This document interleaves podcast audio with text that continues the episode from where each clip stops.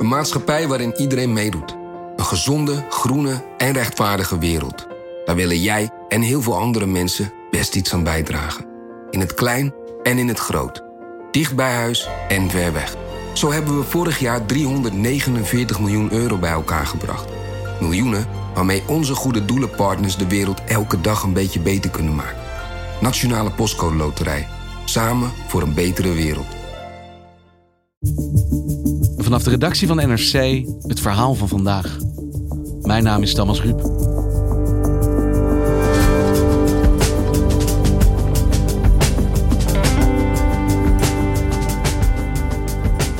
Je bent homo, maar het mag niet van je kerk. Wat doe je dan? Nog steeds zijn er religieuze organisaties die therapieën aanbieden om homoseksualiteit te genezen. LHBT'ers lopen zo vaak zware psychische schade op. Waarom is deze praktijk in Nederland nog altijd niet verboden?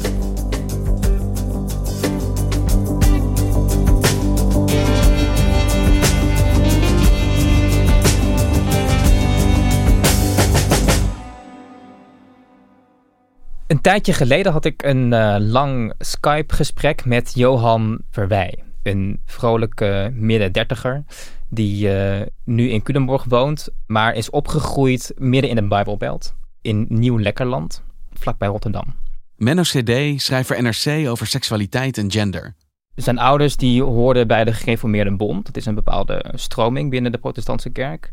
Dus uh, dat betekent dat je zeg maar twee keer op zondag naar de kerk gaat. Je krijgt categorisatieles, dus een soort bijbelonderwijs.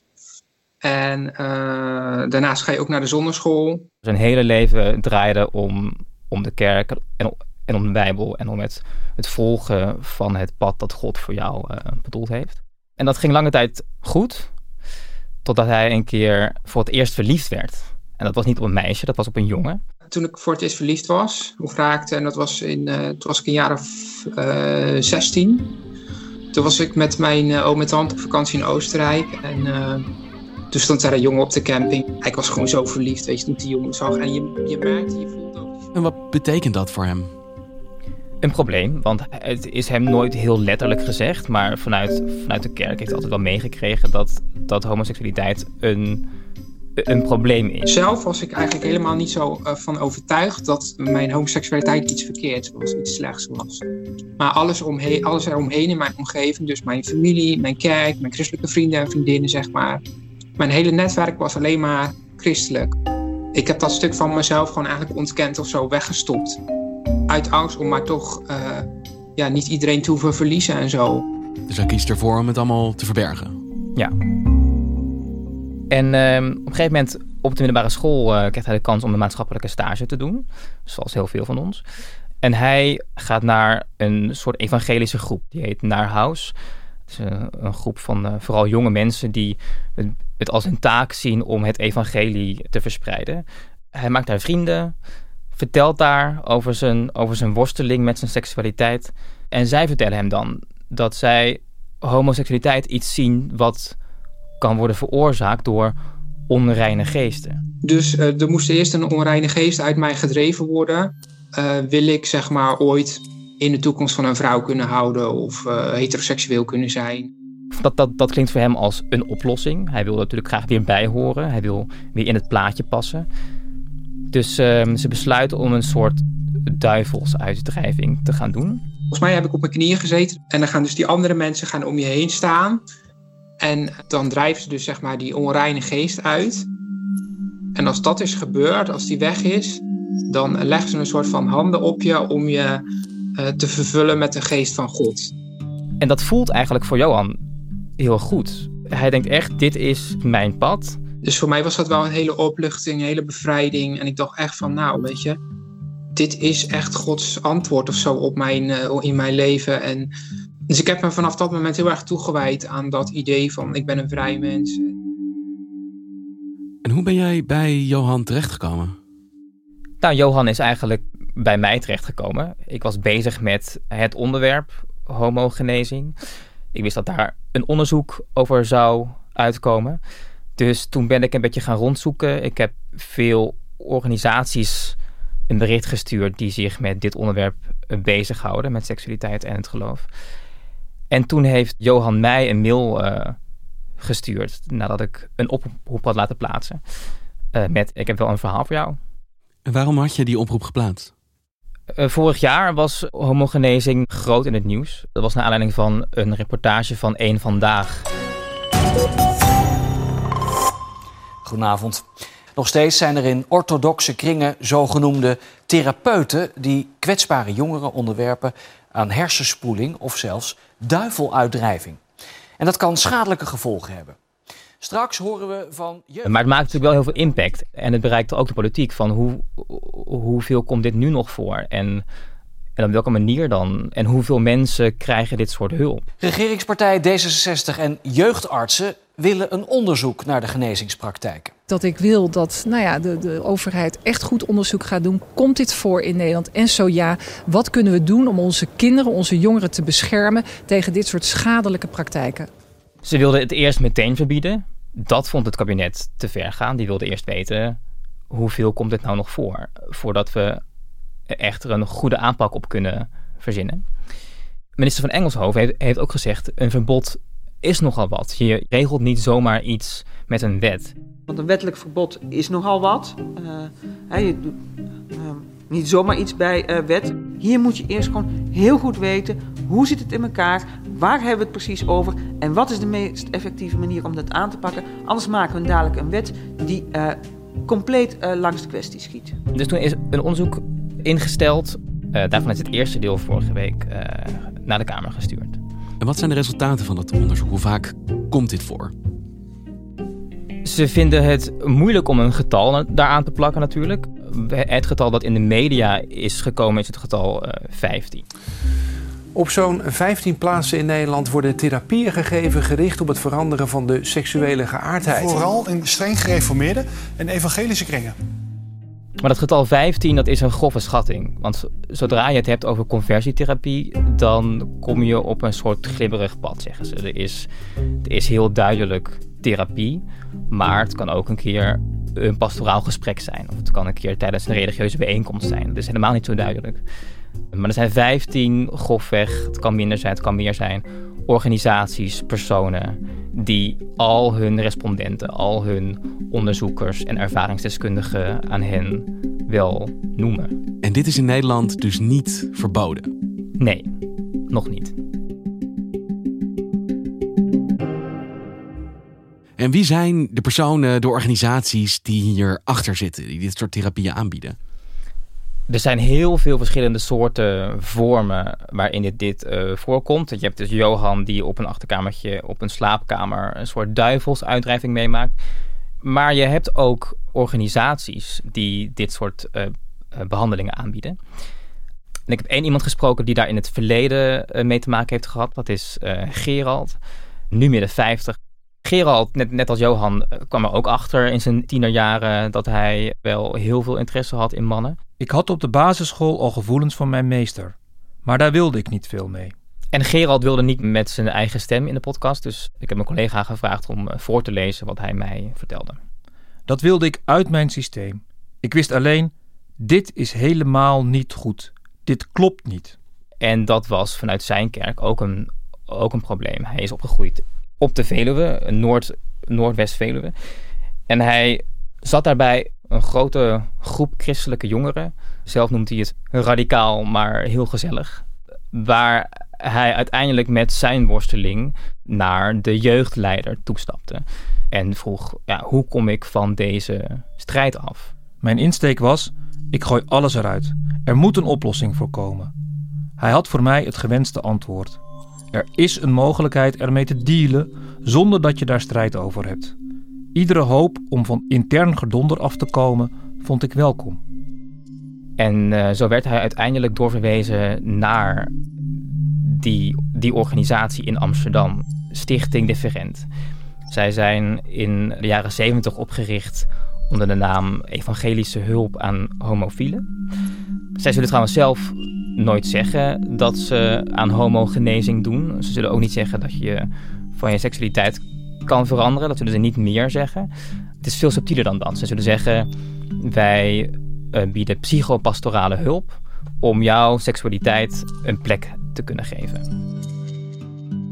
op zijn zeventiende stapte hij van de, van de Veluwe naar Amsterdam in de trein.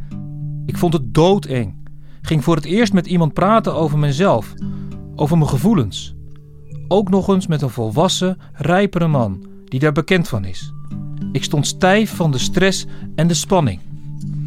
Van de eerste keer kan ik mij alleen de kleur van het overhemd duidelijk herinneren. Mosterdgeel. Uiteindelijk had hij Stichting Different gevonden en zat daarvoor een man die hem heel rustig uitlegde wat hij, wat, wat hij zou kunnen doen.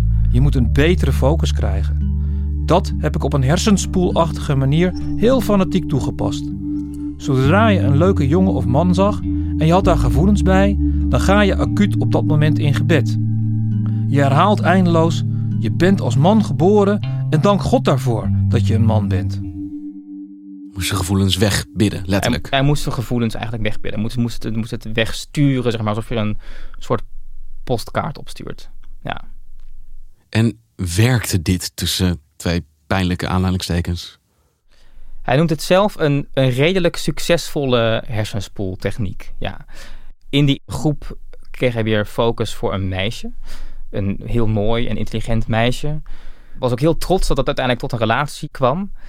Maar ja, al gauw merkte hij dat hij zichzelf natuurlijk een beetje aan het voorliegen was. En dat zo'n relatie natuurlijk geen uh, succes kan en zal hebben. En dat maakte hem wel diep, diep ongelukkig. Ik had gewoon een abonnement op een vrolijk, gelukkig, succesvol leven met ook nog een geschikte vrouw gekregen. En dat is toen onderuit gehaald. Voor mij was het toen een kaartenhuis dat in elkaar stortte. En of dat nou door het geloof komt? Dat kon hij niet meer verenigen. Dus hij kon niet meer zijn geloof verenigen met zijn seksualiteit. Hij ging studeren in Zwolle. Dus hij heeft er toen uiteindelijk een tijdje voor gekozen om in Zwolle uit de kast te komen. Daar als homo te leven. Ik ging in Zwolle wonen. Daar ging ik stukje bij beetje uit de kast. Als ik op de Veluwe bij de familie was, zat ik weer in de kast. Heen en weer eigenlijk. Nu ben ik pas sinds een jaar homo en christen in één persoon. En dit plekje bevalt me het meest. Geen keuze tussen die twee. Want wat zijn de gevolgen van het volgen van dit soort therapieën voor de mensen die dat doen? Nou, daar is dus nu voor het eerst goed onderzoek naar gedaan. Zij hebben tientallen mensen gesproken hierover die een soort ervaring hiermee hebben gehad. En zij zeggen, nou, driekwart zegt, ik heb hier echt een mentaal probleem doorgekregen. Mensen krijgen problemen met hun seksuele identiteit. Uh, ze weten niet meer goed wie ze zijn. Dat, dat, dat, dat gaat allemaal heel diep. Dat zijn natuurlijk fundamentele identiteitsvraagstukken uh, die uh, van alles bij je teweeg brengen. Mensen raken dus echt beschadigd tijdens dit soort therapieën. Zeker, ja. Maar als ik deze verhalen hoor van Johan, van Gerald en überhaupt de, de resultaten van dat onderzoek, dat dit dus in Nederland gebeurt, is dan het antwoord hierop niet gewoon verbied dit? Maak een wet die zorgt dat dit niet meer mag. Nou, een groot deel zegt we moeten het verbieden. Ook nu weer zie je politieke partijen en uh, belangenorganisaties die tot een verbod oproepen. De VVD die is al een tijdje bezig met een wetsvoorstel. Maar ook allerlei uh, predikanten, homo-belangenorganisaties, die, die roepen al veel langer om een verbod. Maar aan de andere kant heb je ook mensen die problemen zien van zo'n verbod in de praktijk. Want wat verbied je nou eigenlijk? Verbied je. Je mag wel bidden, maar zodra je bidt om iemands seksualiteit is het verboden. Uh, en hoe ga je dat controleren? Je had voorheen had je duidelijke organisaties, een loket waar je kon aankloppen en te zeggen: jij mag dit niet doen, we kunnen je vergoeding intrekken. Um, maar nu is het allemaal veel onzichtbaarder. Het gebeurt in een slaapkamer, zoals bij Johan. Het gebeurt tijdens religieuze bijeenkomsten. Ja, hoe ga je dat handhaven? En bovendien, wat ook Johan en Gerald zeggen, het was hun, hun vrije wil. Zij hebben hulp gezocht. Zij zeggen ook, mijn helpers, om het maar even zo te zeggen, die deden dit ook niet uit kwade bedoelingen. Die geloofden echt dat je hiermee iemand kan helpen. En dan kom je, dan raak je aan de vrijheid van godsdienst. En dan is het nog heel moeilijk om daar dan een soort verbod op te formuleren. Wat je beter kunt doen, zeggen zij, is de weerbaarheid van orthodox religieuze jongeren versterken door bijvoorbeeld voorlichting en te proberen om die organisaties te versterken die met deze jongeren in aanraking komen. Ja, en toch, het kan wel een signaal zijn, ook al lukt het je niet om het uit te bannen, als er altijd mensen zijn die het blijven aanbieden. Maar je zegt wel duidelijk, kristalhelder, dit is niet de bedoeling. Wij zijn niet een land dat gelooft dat je homoseksualiteit zou moeten willen genezen. Precies, ja, en dat is ook de reden dat mensen tot zo'n verbod oproepen. Alleen je moet je wel afvragen: willen we alleen maar een signaal afgeven of willen we ook echt dat dit soort dingen stoppen? En hoe moeten we dat dan zien vanuit de kerk? Ik, als ik dit hoor, denk ik echt: gaat, zijn deze kerken wel mee verhuisd naar de eeuw waar we nu in leven, deze tijd? Ja, het is goed dat je dat opbrengt, want het lijkt nu alsof religie en seksualiteit een en al een probleem is. Maar het gaat juist de goede kant op. Je had anderhalf jaar geleden die eh, Nashville-verklaring, die uh, heel veel media-aandacht kreeg. Goedenavond. Grote verontwaardiging over de Nederlandse Nashville-verklaring. Meer dan 200 orthodoxe protestanten ondertekenen het manifest, onder wie SGP-leider Kees van der Staaij. En daarmee spreken hij en de andere ondertekenaars zich openlijk uit tegen homoseksualiteit en transgenders. En het lijkt dan dat je denkt, zie je wel, die christenen of die orthodoxen die uh, zijn niet tolerant. Maar die verklaring heeft juist gezorgd dat het gesprek erover werd geopend binnen al die Pinkstergemeenten en binnen al die kerken. Die voorheen misschien stil bleven over het onderwerp en nu juist gedwongen werden om een positie in te nemen. En te zeggen: nee, wij zijn het niet eens met die Nashville-verklaring. Wij zijn, we staan wel open voor LHBT. Dus die Nashville-verklaring heeft, heeft eigenlijk heel veel goeds betekend voor de emancipatie van homoseksuelen in de kerk. De resultaten van dit onderzoek zijn dus vorige week bekendgemaakt. Wat gaat daar nu vervolgens mee gebeuren? Dat we dit nu dus wel in kaart hebben, dat dit nog gebeurt in Nederland. Ja, dus nu weten we ongeveer hoe vaak het voorkomt en we weten ongeveer op wat voor manier. Deel 2, daarin gaan de onderzoekers echt aanbevelingen doen van hoe kunnen we dit nou precies aanpakken. En dat is waarschijnlijk over een paar weken af. En dan zal ook het kabinet daar een, uh, soort reactie op vormen. Dus uh, of er een verbod komt of niet, dat uh, weten we pas rond deze zomer. En hoe kijkt iemand als Johan naar wat er nu gebeurt? Wat hoopt hij dat het gevolg gaat zijn?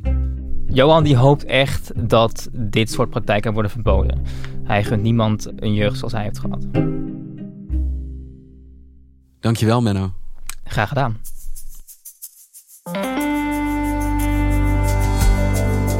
Je luisterde naar vandaag, een podcast van NRC.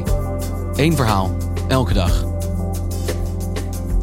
Dit was vandaag, morgen weer.